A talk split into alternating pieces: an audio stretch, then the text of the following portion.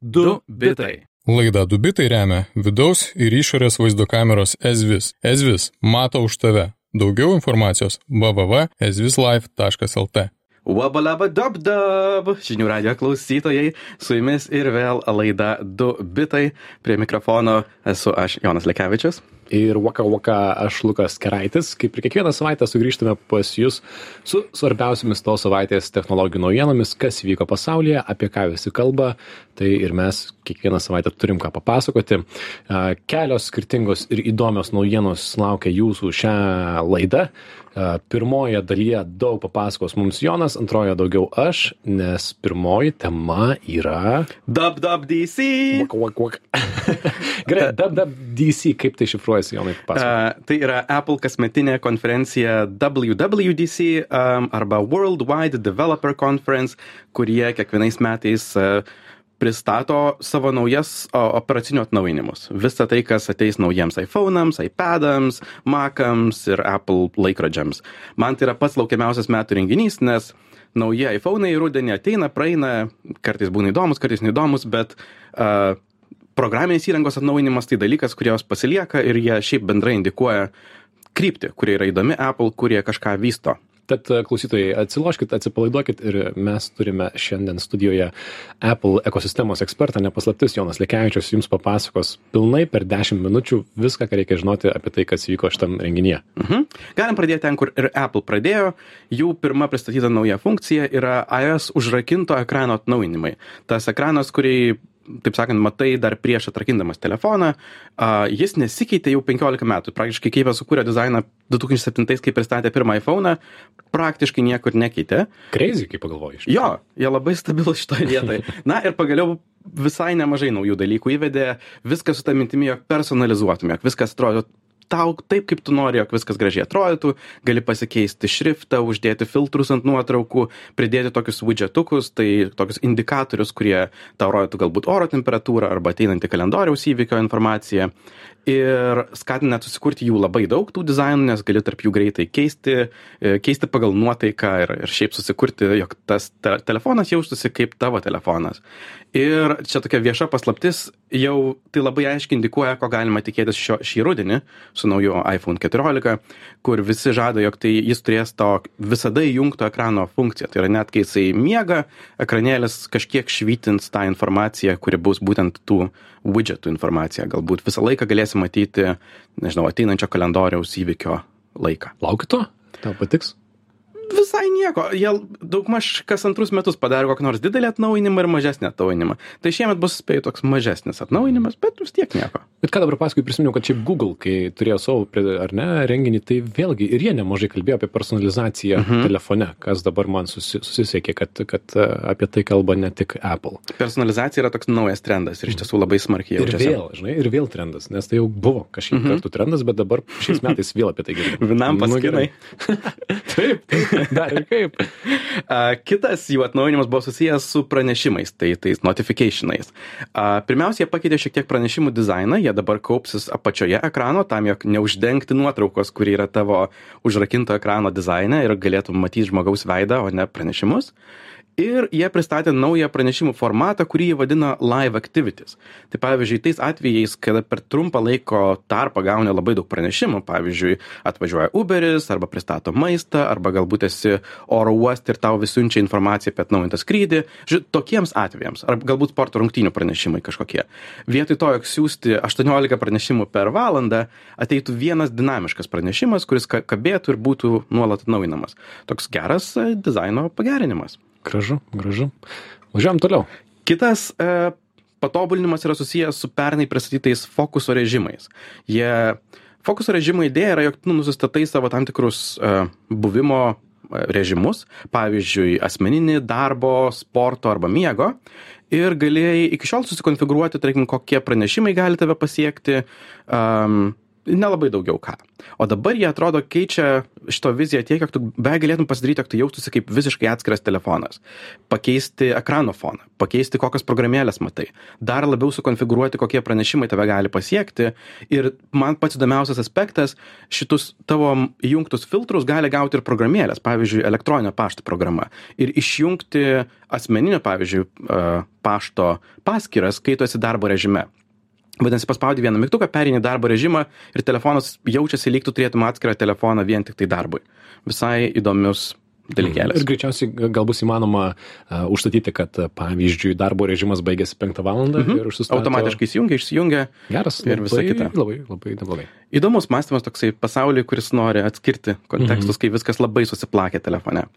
A, mažesnė funkcija Macams ir iPhone'ams yra Continuity Camera, kaip jie tą pavadino, toksai smulkmenėlė, kur jeigu Macas pajaučia, jog virš jo šalimais yra iPhone'as, galima naudoti iPhone'o kokybišką kamerą kaip internetinę kamerą kompiuteryje. A, Jokio konfigūravimo ar laidų nereikia, tiesiog pasistatai kažkokiu būdu telefoną šalia ir veikia. Kas yra labai geras dalykas, nes aš prieš pusmetį nusipirkau naują kompiuterį, tai ne, ne- Apple kompiuterį, jis neturėjo web kameros, kas buvo labai įdomu, bet kitos funkcijos buvo labai geros. Ir atseit yra programėlė, kur labai patogiai su bet kuriuo telefonu susijungi mm. ir naudoji kaip web kamerą, niekaip man nesusinkronizavo O, ir ne. niekaip tai neveikė. Taip kad Pažadai ir realybė. Ouch. Tai tikiuosi, kad pavarys Apple. Dirbtinio intelekto naujienos. Tai jie pernai pristatė tokią funkciją Live Text, kurią labai rekomenduoju naudoti.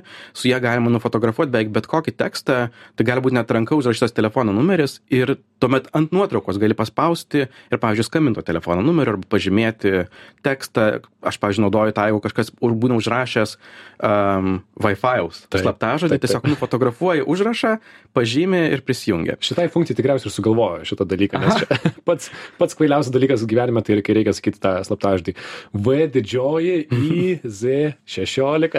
tai su tuo susijusios naujienos live text dabar veikia ir video, tai gali tiesiog video įrašę sustabdyti jį ir žymėti kadrą kadro tekstą tenai. Ir jie pristatė live captions, tai yra tokius subtitrus bet kokiam audio, kuris tuo metu yra telefone. Tau net gali atsiųsti kažkas tiesiog balsų įrašytą žinutę ir jeigu kažko, kažkodėl negali klausyti, a, gali tiesiog gauti subtitrus to, ką žmogus tau kalba. Lietuviškai ir Lietuvoje 2060 metais Jo. galbūt ir išvysime tokią funkciją. Juokas juokais, bet nejuokinga. Man labai patiko, Jonai, sakai, tau nesužavėjo, man visiškai sužavėjo tas e, subjektų išėmimas iš nuotraukos, kad, pavyzdžiui, nuo šiol galėsi padaryti nuotrauką telefonu ir ten, jeigu nufotografavai šunį, paspaudinio, palaikai ir nutempi į žinutės ir tu išsiunti tik tais e, šunį, kai būtum tarsi Photoshop'e iškirpęs jo visą foną. Magiškas dirbtinio intelekto iškirpimas. Visai kitaip. Bet labai greitai ir labai paprasta. Ir jeigu padarai draugelio nuotrauką, kuris prastam fone ir nenori rodyti, tai tiesiog nusinti jį. Mhm. Geras. Kalbant apie nuotraukas, jie pagaliau po nežinau kiek metų pristatė šeimos bendrą nuotraukų albumą, nes iki šiol nuotraukos iCloud'e buvo tik asmeninės ir buvo gana sudėtinga turėti bendrą gyvą šeimos nuotraukų albumą, tai štai dabar mes jau tą turime. Tai turbūt tiek iš iPhone'o specifinių tokių naujienų. iPad'e jie vis e, bando stumti iPad'ą iš tiesiog tokio sėdėjimo ant sofos prietaiso į, na, galbūt tai gali patapti kompiuterio pakaitalu. Ir iki šiol buvo gana sudėtinga turėti daug programėlių vienu metu ant, ant ekrano, bet dabar jie pristatė laisvai judinamus ir keičiamo dydžio langus. Tai žymiai panašiau į tai, kaip programos veikia Windows ar Mac kompiuteriuose. A, Tas taip pat veikia prisijungus ir prie išorinio ekrano. Tikslas, vėlgi, jog iPadas žymiai labiau funkcionuotų kaip tavo pagrindinis kompiuteris. Ir aš žinau žmonių, mane pusiau stebina, jog jie sugeba padaryti iPadą kaip savo pagrindinį kompiuterį, tai Mhm. tie žmonės turėtų visai džiaugtis. Taip. Ka- Kažkaip klausau tavęs ir labai daug naujienų susijusių su vartotojo naudotojo patirtimi, vadinama Mhm. UX, bent man taip atrodo, ar ne? Personalizacija, dizainas ir UX. -as. Na, jie bando turbūt lopyti ten dalykus, kurie yra silpniausi. Um, laikrodyje beveik visos naujos funkcijos yra susijusios su bėgimu. Aš spėju, jie čia žiūri į tai, kas vyksta su kokiais Garmin bėgimo laikrodžiais ir nori konkrečiau konkuruoti. Tai bėgimo intervalai, širdies plakimo dažnio zonos, gebėjimas kartoti tuos pačius bėgimus ir juos lyginti, net tokios ezoterinės funkcijos kaip automatinis triatlono rungties pasikeitimo pastebėjimas. um, tad e, laikrodis visas apie bėgimą. Na ir dar keletas dalykų. Tai iš kategorijos tai vyksta. Aš sakyčiau, uh, jie paminėjo du dalykus, kuriuos prieš kelis mėnesius minėjo ir Google savo konferencijoje. Pirmiausia, tai naują namų protokolą Matter, uh, kuris turėtų įsijungti šį rudenį ir išspręsti tą išsiskaidžiusią išmanių namų ekosistemos problemą. Ir kitas dalykas, jie vėlgi, kaip ir Google paminėjo, Passkeys, naują iniciatyvą, apie kurią mes beje daug šnekėjome 37 laidoje. Ir tenai um, su Passkeys idėja yra, jog na, mums nebereikėtų slaptažodžių ir vietoj to mūsų autentifikacija rūpintųsi mūsų asmeniniai prietaisai tokie kaip telefonai. Ir kadangi Apple kontroliuoja tiek telefonus, tiek kompiuterius, jų demonstracijos atrodo iš tiesų puikiai, jog uh, tiesiog paspaudi prisijungti, nuskanuoji savo veidą telefone ir automatiškai prisijungia. Slaptaraktis, naujas žodis jūsų žodyne. Nice. Taip. Ir taip, apie Matter kalbėjome, išmanus namai, nuo to tikriausiai viskas palengvės ir be abejo nauji kompiuteriai buvo ir jų pristatyti, ar ne?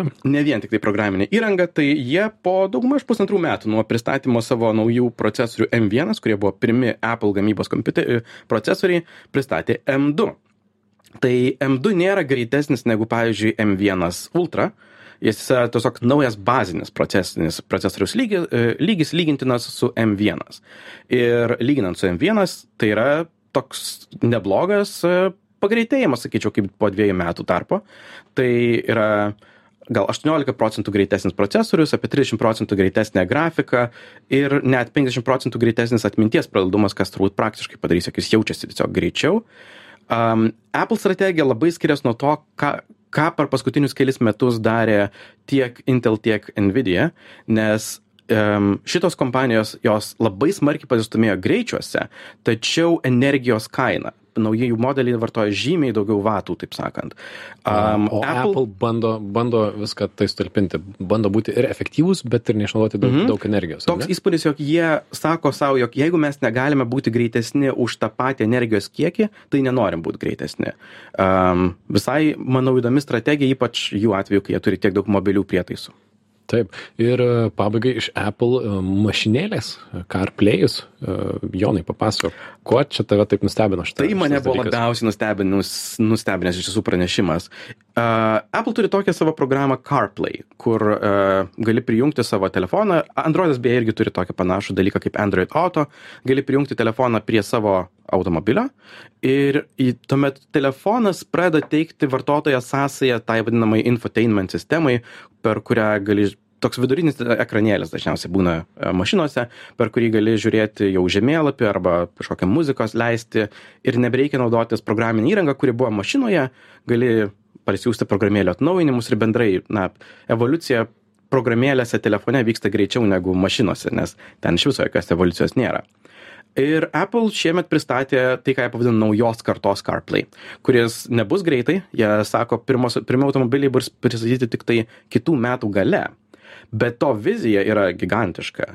Tai yra tikslas nebėra pakeisti tą vieną vidurinį ekranėlį uh, automobilyje, bet pakeisti visus ekranus ir indikatorius. Tai yra ekraną, kuris yra už vairo, kuris rodo tavo greitį, ekraną, kuris eina per visą uh, panelę iki pat uh, keleivio sėdynės. Um, užvaldyti visus ekranus, kurie yra uh, automobilyje, rodyti greitį, tepalų kiekį, muziką, žemėlapius, orą ir net visokią papildomą informaciją, kokią tik susikrausi ant savo automobilio ekranų. Susikonfigūruoti tarsi savo telefoną, ar ne? Ir kad nenuskambėtų taip, kad Apple pristatys savo automobilį, kas, būtų, kas, kas būtų labai didelė naujiena ir tikrai pašauktume garsiai, tai jie bendradarbiaus su įvairiais automobilių gamintojais - Ford, Nissan, Honda, Audi, Mercedes, Renault ir kitais. Na ir e, tikėtina, kad po keliarių metų e, bus galima savo telefonu valdyti ne tik išmanėją lemputę, bet ir tai, ką matai mhm. priešais savo na, automobilio e, priekyje. Kas mane tai smarkiai šokiravo, tai jog jie aiškiai kalbėjo, jog tu kaip vartotojas galėsi pasikeisti savo automobilio dizainą, pasirinkti spalvas ar spidometro stilių ir man tai neišneša proto, kaip jie tokiu būdu gebės praeiti pro kažkokius reguliavimo tarnybas, kurios mm. vis tiek nori kontroliuoti, kokiu vaizdu yra vaizduojami spidometro greičiai, jog aš negalėčiau pasirinkti Comic Sans šrifto 16 dydžio ir, ir žiūrėti. Ir paskui tą įmonę, kuri davė man tą, tą, tą paveiksliuką, kad per ją nemačiau greičio, ar ne? Mm -hmm. Kas? Tad tame ir yra man tokia visa ambicija, wow, pakeisti visą vartotojo sąsąją santykėje su automobiliu. Ganėtinai didelė ambicija. Stipru. Aš tai pabambėsiu, kad iš vis e, liečiamieji ekranai ir kuo daugiau ekranų automobiliuose to yra blogiau. Sustikime po 15 metų ir pažiūrėkime, kaip mes apie tai kalbėsim, kad buvo labai labai keista ir prasta mada e, turėti daug ekranų automobiliuose. Bet tai tebūnė mano nuomonė ir, ir niekas už ją nesupykit. Žinių radio klausytojai, visi, kas mūsų klauso, žinokite, kad tai yra laida pavadinimu Dubitai. Jonas ir Lukas kalbasi apie svarbiausias technologijų naujienas. Apkalbėjome Apple renginį ir pristatėme Apple naujienas, kas įvyko šią savaitę, kad tik jame. Ir dar turime keletą smulkesnių temų iš visai kito pasaulio. Tai pirmiausiai Meta ir Meta įmonė valdanti Facebook, WhatsApp ir Instagramą, jos valdančiosios įmonės generalinė direktorė, generalinė administracijos direktorė 14 metų buvo Sheryl Sandberg, e, Marko Zuckerbergo dešinioji ranka ir ji praeitą savaitę paskelbė, kad jau nuo šio rudens pasitrauks iš savo pareigų, liks visgi tik tais valdyboje metos, bet, e, na, iš esmės nėra kažkokios dramos šitoje istorijoje svarbu tai kad šeril sandberg jinai yra viena žinomiausių silicio slėnio verslininkų yra viena žinomiausių verslininkų moterų visame pasaulyje ir ji yra tas žmogus kuris padėjo užauginti feisbuką e, kaip pats sakė zakerbergas e, jos darbas nuo pat pradžių buvo būti tuo suaugusiu žmogumi kambaryje kadangi kai jie susitiko zakerbergui buvo vos dvidešim treji metai. Ir e, labai iš komunikacinės pusės labai gražu tikrai šiek tiek susilydžiau tiek zakerbergas tiek šeril sandberg feisbuke apsikeitė gražiais postais kaip kaip jie susitiko, susipažino, kaip dirbo kartu, kaip Sandberg e, gavo pažadą į Zuckerbergo, kad kas savaitę jie susitiks gyvai ir pasikalbės gyvai ir kad Zuckerbergas jai labai nuoširdžiai pafeedbackins apie jos darbą.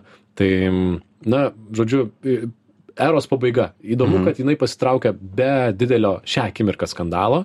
Jai teko pragyventi be abejo daug įvairių Facebook'o skandalų, tai yra Trumpo valdymo laikotarpiu, Cambridge Analytica ir panašiai. E, šnapždama, kad su Zaku nuomonės kartais įsiskirdavo, bet visgi tai toksai titano pastraukimas iš savo rolės, e, kai dar esi daugiau mažiau pakilime. Mhm. Galima sakyti, ar ne? Aš, aš skaitydamas įvairias tokias retrospektyvas, žiūrint atgal į jos ilgą karjeros istoriją, um, iš tiesų sutinku su mintimi, jog, na, Zuckerbergas jis pastatė socialinį tinklą, bet Sheryl Sandberg pastatė verslą. Taip. Nes ji atėjo iš Google, tenai buvo reklamos vadovė ir čia ji ėmėsi to paties. Ji pastatė, na, be Google antrą pagal dydį internete reklamos imperiją per visus sėkmingos, visas sėkmingas programėlės ir uh, tai tikrai nebuvo tiesiog paprastas savaime suprantamas dalykas nes galima stebėt tarkim kaip su ta pačia užduotimi visgi sunkiau kovoja snapchatas arba tai niekad nėra pavykę yahoo kuris na prieš daug metų irgi buvo panašaus lygio gigantas kaip facebook. Tad tai tikrai nebuvo toks savaime suprantamas paprastas dalykas ką ji pastatė ir sugebėjo pastatyti tikrai didžiulę pelningą kompaniją. Taip ir yra parašiusi ne vieną knygą ir tikrai yra įkvėpimas ne vienai ne vienai verslininkei moteriai jinai tai yra ta tapusi buvo vienu metu tokiu na veidu verslininkės moters nes yra tikrai viena turtingiausių ir įtakingiausių šioje srityje. Tad palinkėsime jai sėkmės e, kitam kitose veiklose. Nežinau ką toliau veiks. Kita naujiena kuri mane labai jaudina tiesiogine to žodžio prasme nes atrodo kad šis tas yra nuveikta gražioje srityje. Tai e, įmonei kurią galbūt žinote vadinasi cruise suteikta pirmoji san franciske bei jungtinėse valstijose licenzija operuoti savaeigius taksi be vairuotojų ir už tai imti pinigus. Tad pirmieji savaeigiai taksi be vairuotojų komerciniai išriedės į gatves. Um, cruise yra general motors valdomas startuolis jau septynerius metus uh, jie vysto savaeigių automobilių platformą bet pirmasis vat apdėjo šitus konkurentus ir uh, nuo šiol bus galima išsikviesti san franciske automobilį kuris atvažiuos jame nieko nėra esi vienas pavyzdžiui įlipi kur nori nuveža ten atsiduri ir ir labai smagu. Ką verta paminėti trisdešim tokių elektromobilių chevrolet bolt važinės san franciske jie galės važinėti tik po dešimtos valandos ir iki šeštos ryto ir negalės važinėti esant stipriam lietui ar rūkui. Maksimalus greitis vos keturiasdešim aštuoni kilometrai per valandą bet vis tiek jeigu esate entuziastas autonominių automobilių tai štai yra žingsnis konkretus link to. Ir su tuo labai sveikinu nes jie apdėjo konkurentus pirmiausia veimo kurie priklauso google bei nuro kurie taip pat turi leidimus operuoti autonomiškus automobilius san francisko gatvėse. Vos trys įmonės gali tai daryti. Penkios gali testuoti gatvėse ir dar keturiasdešimt įmonių aš patikrinau turi teisę testuoti su vairuotojais. San franciskas be abejo pirmauja šitoje srityje. Tad pagaliau pagaliau pagaliau ta tema autonominiai automobiliai juk elonas žadėjo dvidešimtaisiais metais turėti jau robotizuotų taksi parką. Uberis dar dabar atsimenu kaip jie pirko tūkstančius automobilių ir planavo septyniasdešim penkis tūkstančius autonominių automobilių šiais metais ko visai nematome. Tai sveikinam kruiz kuris kuris padarė šiokį tokį žingsnį tame. Na ir grįžtant prie jau prieš tai paliestos temos su liečiamaisiais ekranais automobiliuose aš spėju tame ir yra visų šitų į priekį labai žiūrinčių kompanijų mąstymas jog na taip kol kas tai yra labai nesąmonė bandymas užčiuopti neužčiuopiamą mygtuką am, bet galbūt tais laikais e, po nežinau kokių penkių dešimties metų penkiolikos a, kai jau galbūt nereikės patiems vairuoti tuomet liečiami ekranai bus smagu nes sutinku žaisim sutinku. žaidimus. Tuomet aš jų labai lauksiu ir jais džiaugsiuosi sėdėsiu spaudinėsiu. Aš žinai ką veiksiu su autonominiu automobiliu aš ten dainuosiu karaoke. O geras variantas. Man labai patinka dainuot automobilyje pastebėjau. Tai spėju kad kokias tris valandas per per dieną praleisiu tai veikdamas. Tai jeigu ne nesate girdėję apie kruiz tai tikrai įdomus startuolis. General motors nusipirko du tūkstančiai šešioliktais metais. Pradžioje startuolis bandė sukurti bet kokiam eiliniam automobiliui pritaikomus autonomiškus rinkinius tai yra ant ragų uždedi kamerų lidarų ir kompo dėžę ir ir važiuoji. Bet nuo šiol nuo penkioliktų metų jie kuria programinį kodą ir jau į juos yra investuota daug daug pinigų. trisdešim milijardų dolerių vertinamas šis startuolis. Tad štai ir paskutinė naujiena šiandien visai iš kitos temos bet juokingai liūdnai kvaila. Na įsivaizduokite tokią situaciją. Tai yra policijos ginklas mažas dronas kuris tuo pačiu yra ir elektros tazeris tai yra gali priskristi su dronu ir nušauti joną su tazeriu pakartyti į elektrą. Jeigu tai skamba kaip bloga idėja kas skamba man kaip bloga idėja tai ją bandė įgyvendinti. Tokį droną tazerį norėjo pristatyti amerikiečių tazerius ir kita policijos ir kariuomenės įrangą gaminanti exxon enterprise įmonė. Ji sulaukė savo etikos tarybos narių nepritarimo tai yra kad nereikėtų vystyti tokio tokio įrenginio. E, tačiau po to nepritarimo e, padėkojo jiems už jų nuomonę Taip, aišku. Ačiū Mhm. Jums. Ir sakė, kad toliau judės su šia idėja, po ko uh, du trešdaliai, um, na, du trešdaliai etikos valdybos narių nepritarė šitai idėjai, bet kai išgirdo, kad vis tiek Exxon judės su savo šitų produktų, 3, 9 iš 13 etikos narių pranešė pasitraukiantys iš įmonės. Tad pirmiausia, kvaila komunikacinė situacija, kad tu turi valdybos narių, kur, narius, kurių neklausai, uh, bet to pačiu įdomi diskusija apie technologiją. Kadangi ką sako etikos valdybos nariai, kad tokio tipo stebėjimo įrenginys pakenktų e, etninių mažumų bendruomenėms, kurios yra ir taip angliškas terminas overpolice, tai yra labai labai stebimos ir policijos priekabiai žiūrimos. Taip pat nereikėtų koncentruotis į realaus laiko stebėjimą ir apskritai, kad toks dronas neišspręs daug didesnės masinių mhm. šaudinių problemos Junktinėse valstijose, apie ką kalba Exxon pristatydami šį, šį įrenginį. Ne va, tai tam yra skirta. Būtų šaulys e, bažnyčioje ar mokykloje, atskristų dronas ir jį pakartytų su, su taseriu. Man šitoje istorijoje gal labiausiai erzinantis aspektas yra tai, jog, na, įmonės savo susikuria tas etikos komisijas, kurios teoriškai turėtų atstovėti būtent šitą moralės balsą ir jos teikia savo vertingus, prasmingus pasiūlymus ir, taip sakant, jiems yra padėkojama ir atsisveikinama su jumis. Ir tada tuomet vienintelis signalas, kaip tu gali iš tiesų pareikšti savo nuomonę, yra atsistatydinti, kas yra drastiška, nesubtilu ir kontroversiška. Tad aš labai norėčiau, jog visgi įmonės ne simboliškai turėtų tas etikos komisijas, bet iš tiesų norėtų įsiklausyti jų balso ir vadovautis jų rekomendacijomis, o nelaukti, kol 9 iš 13 atsistatydins, nes nejaučia jokios prasmės. Na, šią akimirką bent jau šitie etikos valdybos nariai jau jie kažką pasiekė, kadangi Exxon sakė, gerai, gerai, sustabdysim tą drono tazerio vystymą, tai yra tą droną su kameromis, nes jis dar net nėra sukurtas, bet šią akimirką padarysime pauzę. Bet jokinga, papuolė į komercinį chaosą, komunikacinį chaosą, galbūt išreklamavo šitą savo idėją, bet man atrodo, kad yra pakenks jų reputacijai. Mhm. Tad tiek spėjome papasakoti naujienų šią savaitę. Beje, kitą savaitę bus paskutinioji dubitai laida šį sezoną. E, tai jau tikrai mes vasarą ilsėsimės, tai tikrai tikrai įsijunkit, ką nors papasakosime. U, ką mes prigalvosim? Ką mes papasakosim, Jonai? Dar nežinau. Surprizai, bus daug surprizų. Padarysim tikrai surprizą kokį nors. Čia girdėjote laidą pavadinimu Dubitai, buvome mes, tai yra Lukas Keraitis ir Jonas Lekevičius. Kaip visuomet šitos ir kitų laidų įrašus rasite žinių radio interneto svetainėje žiniųradijas.lt, dubitai.com, ten yra visi mūsų šaltiniai bei visos laidos, o mes sakome, susitikime kitą savaitę, klausykite mūsų ir pasimatysime. Iki. Iki. Du bitai. Laidą Dubitai remia vidaus ir išorės vaizdo kameros Ezvis. Ezvis mato už tave. Daugiau informacijos www.ezvislife.lt.